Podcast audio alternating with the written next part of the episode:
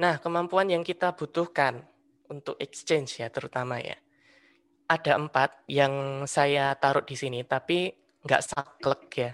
Tidak harus empat ini ya.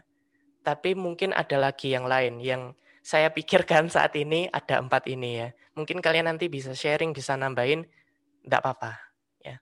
Karena ini bukan ilmu eksak ya. Enggak kayak mate. Oke, okay. yang pertama akademik. Pasti exchange itu butuh akademik ya karena pertukaran pelajar.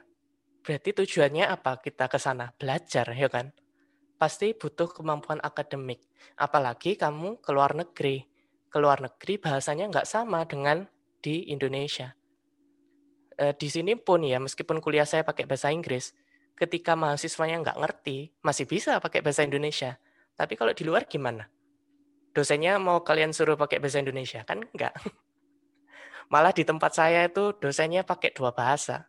Kadang Inggris, kadang bahasa Korea, kadang bahasa Cina. ya itu ya. Jadi kemampuan akademik bagaimana kalian harus uh, mengolah informasi ini, informasi akademik kayak gitu ya. Oke. Apalagi kurikulum di sana mungkin sedikit berbeda ya. Tugas-tugasnya bagaimana itu juga beda. Karena pengaruh budaya ya. Yang kedua komunikasi. Ya, tentu komunikasi itu juga penting karena ketika kita jangan kan keluar negeri, kita keluar rumah aja butuh komunikasi ya. Apalagi luar negeri yang lebih jauh di sana ya kita keluar rumah mau ke Alfamart ya beli di pasar ngomong sama keluarga ngomong sama pacar itu komunikasi juga nah ke luar negeri juga begitu butuh kemampuan berkomunikasi apalagi kalian bertemu dengan orang-orang baru yang pikirannya mungkin jauh berbeda dari kita yang mungkin bahkan pikirannya bertolak belakang dari kita nah bagaimana cara kita berkomunikasi dengan orang seperti itu kita harus bisa mengatur komunikasinya ya. Ya gitu. Kemampuan bahasa ya. Bahasa di sini bukan berarti kalian harus bisa grammar bener tanpa salah sedikit pun enggak. Yang penting itu adalah mengerti ya. Komunikasi sama bahasa ini apa kesatuan ya. Oke. Yang penting adalah saling mengerti. Sekarang gitu, ketika kita mengajar uh, kami ya, orang-orang bahasa ini ketika mengajarkan suatu bahasa, yang penting itu biasanya pertama komunikatif. Bisa saling mengerti. Gak masalah pronunciation kayak gimana, grammarnya gimana. Yang penting tersampai informasinya gitu loh. Nah, itu penggunaan bahasa. Terus seperti yang saya bilang tadi, kuliahnya aja pakai bahasa Inggris ya. Bukunya bahasa Inggris, dosennya ngomong pakai bahasa Inggris, yang paling umum ya.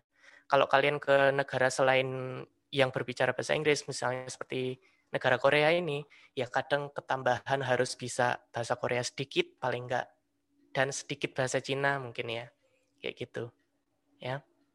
Karena kalau kita nggak bisa bahasanya, kita nggak ngerti mereka ngomong apa iki kuliahnya, po aku nengki-nengki ngelapoan, ya, gitu ya. Jadi penting banget bahasa ini bukan dalam arti grammar atau apa, yang penting adalah kita bisa mengerti, kita bisa berkomunikasi karena bahasa itu adalah salah satu instrumen dalam komunikasi. Yang keempat adalah adaptasi. Tadi udah sempat saya singgung sedikit ya. Eh, ketika kita exchange itu pasti kita bertemu dengan berbagai macam orang, berbagai macam manusia ya, dengan segala macam pikirannya ya kemarin tuh saya exchange dari negara mana aja ya. Yang jelas ada Korea ya. Dari Indonesia, Korea, Perancis, Itali, Jerman, Meksiko, Jepang ya. Itu kan banyak. Budayanya beda-beda. Yang satu suka apa, yang satu mikirnya apa, yang satu mikirnya beda lagi ya. Kayak gitu. Kita harus bisa beradaptasi sama lingkungan-lingkungan yang baru seperti itu. Ya. Kita bahkan harus ngerti konsep teman menurut mereka itu bagaimana? Apa yang harus dilakukan seorang teman? Ya. Ketika mereka sedih, apa yang harus kita lakukan? Ya, itu adaptasi seperti itu ya. Karena memang budayanya berbeda, kita harus beradaptasi. Oke, berikutnya.